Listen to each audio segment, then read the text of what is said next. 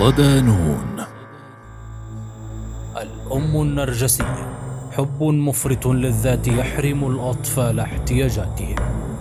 مقال لمنى حجازي. يحتاج الأطفال الرضع والصغار وحتى من هم في مراحل عمرية متقدمة أن يدركوا جيدا أن لهم اعتبارا حقيقيا في هذه الحياة لينظر إليهم. وفوق ذلك أنهم رائعين وجديرين بالحب في عيون والديهم. يحتاجون أيضا أن يتعثروا ويخطئوا في مسيرة حياتهم وفي بعض الأحيان أن يقعوا ويرحب بهم ثانية بابتسامة أبيهم وأمهم المعزية. ومن خلال هذا القبول الوالدي يتعلم الأطفال أن كينونتهم وذاتهم الجوهرية تستحقان الحب. تلك النظرة الذاتية الإيجابية هي النقيض لما يعرفه الشخص النرجسي عن حب الذات، فهو عاشق لذاته تحديدا لأنه لا يستطيع أن يحب نفسه. إن علاقة من هذا النوع بين الأم وأبنائها قد تتسبب في حدوث ضرر يؤثر على حياة الطفل بشكل كبير خلال مراحل نشأته. هنا نطرح تساؤل: كيف تؤثر نرجسية الأم على بناء شخصية أطفالها؟ إجابة على ذلك. توضح الدكتورة في علم نفس الأطفال ومؤسسة المشروع القومي للتربية من أجل التعليم في مصر أسماء الفقي أن تأثير الأم النرجسية على الأبناء يختلف باختلاف حدة نرجسية الأم. فقد تعاني المرأة من بعض الأعراض بينما تعاني أخرى من جميعها. وفي كلتا الحالتين ذلك يسبب كارثة حقيقية في تربية الأبناء.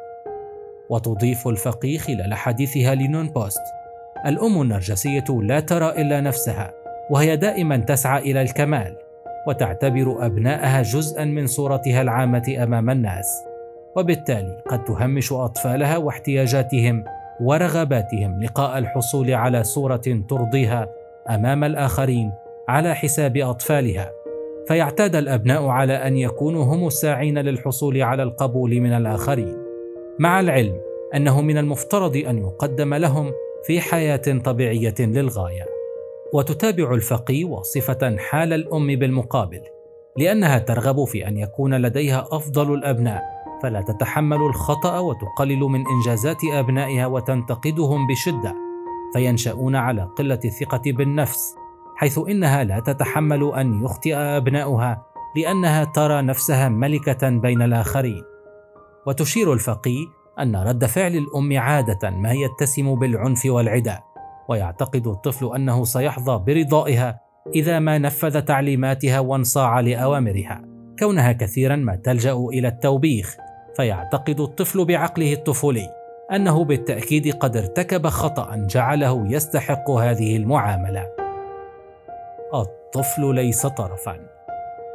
في السياق ذاته تبين المعالجة النفسية والأكاديمية ديالا عناتي من لبنان أن الطفل الذي يعاني مع أم نرجسية يفتقد إلى أهم ما يمكن أن يحصل عليه من أمه وهو الدعم والمساندة والشعور بالحب.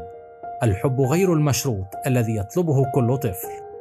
وتضيف لنون بوست سيتضح ذلك مع الوقت وفي كل سلوك تقريبا.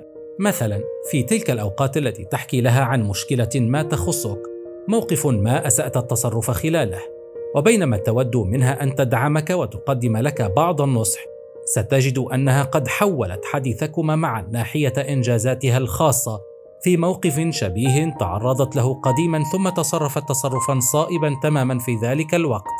على عكسك مهملة وجودك في هذا الحديث من الأساس وكأنك لست طرفا فيه. كيف تؤثر النرجسية على مستقبل الأبناء؟ تتابع ديالا عيناتي تتسبب النرجسية في عدة كوارث. أهمها أن يفقد الأبناء ثقتهم في ذواتهم. لقد تربوا منذ الطفولة وكأنهم مربوطون كالثيران في ساقية. سيبذلون كل الجهد لكنهم لا يلفتون انتباه أمهم كفاية. ولأنها الأم جوهر العاطفة في المنزل فإنهم يشعرون أن الخطأ فيهم وأنهم لا يبذلون جهدا كافيا للفت انتباهها. وتستمر المأساة. ومن وجهة نظر عناتي فإن أبناء النرجسيات يخرجون إلى العالم من دون قدرة على تنظيم حياتهم وعواطفهم. لقد اعتادوا على درجات مرتفعة من التحكم في حياتهم وللأسف قد يقعون في أسر علاقات سامة كالصداقة والزواج في المستقبل تضعهم تحت تحكم شخصيات نرجسية أيضا وتستمر كرة الثلج في التضخم تجارب مع أم نرجسية. لقد دمرتنا أمي أنا وأختي نفسيا واجتماعيا. مجرد بدأنا نذهب إلى الجامعة ما كان يستثير غيرتها وغيظها. هذا ما أخبرتني به صفاء عندما سألتها عن علاقتها بوالدتها. مضيفة حين صارت أم انفعالية أكثر مما كانت في السابق وازدادت الإهانة اللفظية والعنف الجسدي. لأنها لم تكمل دراستها الجامعية بسبب الفقر والغريب أنها كانت تشجع أخوي الذكرين على الدراسة وتفضلهما علينا. ولم تنسى الشابة العشرينية كيف كانت والدتها تعنفهم بالضرب دون تهمة وتطلب منهم الاعتذار دون ذنب. كثيرا ما توبخني أمام ضيوفها وتستهزئ بي وتقلل من ثقتي حينما تردد أنني لست جميلة مثلها. لقد تفوقنا دراسيا وأنهينا دراسات جامعية وحصلت كل واحدة منا على عمل جيد لكننا نفشل دائما في العلاقات الاجتماعية والعاطفية. ولا أعتقد أن أي واحدة منا متوازنة نفسيا.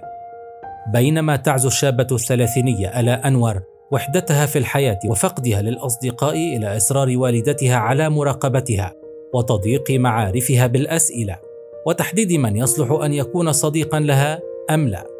محدثة نون بوست. لم يتوقف الأمر عند ذلك بل تولت اختيار شريك حياتي ورفضت آخر تمنيته. ارتبطت بشاب يقربها وسافرت معه. أنجبت طفلين ولم نوفق بعدها فتطلقنا وبقيت هنا. فضلت أن أشق طريقي وحدي هروبا من لومها وقسوتها التي ازدادت بعد انفصالي. لا يتم الاعتراف علنا. نشر مؤخرا في دراسة لجامعة تمبل بولاية فيلادلفيا الأمريكية إحصائية شملت أكثر من 100 أم و200 ابنة. توصلت إلى أن 18% من هؤلاء الأمهات يشعرن بالغيرة من بناتهن. في هذا الخصوص تقول المختصة بعلم الاجتماع في الأردن مياد السيد إن علاقتنا مع أمهاتنا وعائلاتنا هي جزء من صورتنا الاجتماعية. لذلك يحرص البعض منا على إظهار الإيجابيات فقط في هذه العلاقات ولا يتم الاعتراف علنا بإشكالياتها وما قد تمر به من عقبات وخلافات حفاظا على تلك الصورة. وتضيف الأم غير الناضجة عاطفيا والنرجسية تكون احتمالات سياقها وراء الغيرة من بناتها أكثر من غيرها خاصة إذا كانت علاقتها مع والدهن غير متوازنة وليس فيها مستوى مقبول من الأمان والاحتواء والثقة حيث قد تظن أنهن قد أزحن اهتمامه وحبه عنها. لافتة إلى أسباب أخرى قد تجلب غيرة الأم كالإنجازات التي تحققها الفتاة في حين عجزت الأم عن تحقيق رغباتها أو ممتلكاتها المادية والتحاقها بالجامعة أو لأنها أصبحت أجمل من أمها وبدأت تلفت أنظار الرجال إليها. كلها أسباب قد تخرج العلاقة بين الأم وابنتها من سياقها الصحي. وتستند المختصة الاجتماعية إلى بعض الدراسات النفسية بالقول إن الغيرة الأمومية أمر طبيعي إذا كانت ضمن حدود معينة وتحت السيطرة لكنها تخرج عن إطارها المقبول عندما تشعر الأم أن ابنتها تشكل تهديدا لها. كيف تكون البداية؟ هل من علاج؟ وفقا لتقارير مختصة يبدأ الاضطراب في مرحلة البلوغ المبكر وتظهر أعراضه في العمل والعلاقات الاجتماعية. وأفاد المتخصصون بأن المصابين باضطراب الشخصيه النرجسيه يسعون باستمرار للارتباط بأشخاص موهوبين ما يعزز احترامهم لذاتهم وحتى يضمنوا وجودهم داخل دائرة الإعجاب والاهتمام المفرطين. كما أنهم يجدون صعوبة في تحمل النقد أو الهزيمة. لم تجد الدراسات التي أنجزت عن اضطراب الشخصية النرجسية أي أسباب واضحة خلف الإصابة به ويعتقد أن العوامل الوراثية والبيولوجية وكذلك البيئة وتجارب الحياة المبكرة تلعب دورا في تطور هذه الحالة. أما عن العلاج من اضطراب الشخصية النرجسية فقد أوضح علماء النفس أن المصابين ولأنهم يتعاملون بعظمة ودفاع مستمر عن النفس يصعب عليهم الاعتراف بالمشكلات ونقاط الضعف في شخصيتهم. شفاء الجروح. وفقا لدراسة أجريت في الولايات المتحدة فإن ستة بالمئة من الأمريكيين النرجسيين ومع ذلك هناك خمس دراسات أخرى على الأقل استخدمت معايير أكثر صرامة ولم تستطع العثور على حالة واحدة للنرجسية حتى عند استخدام عينات كبيرة جدا.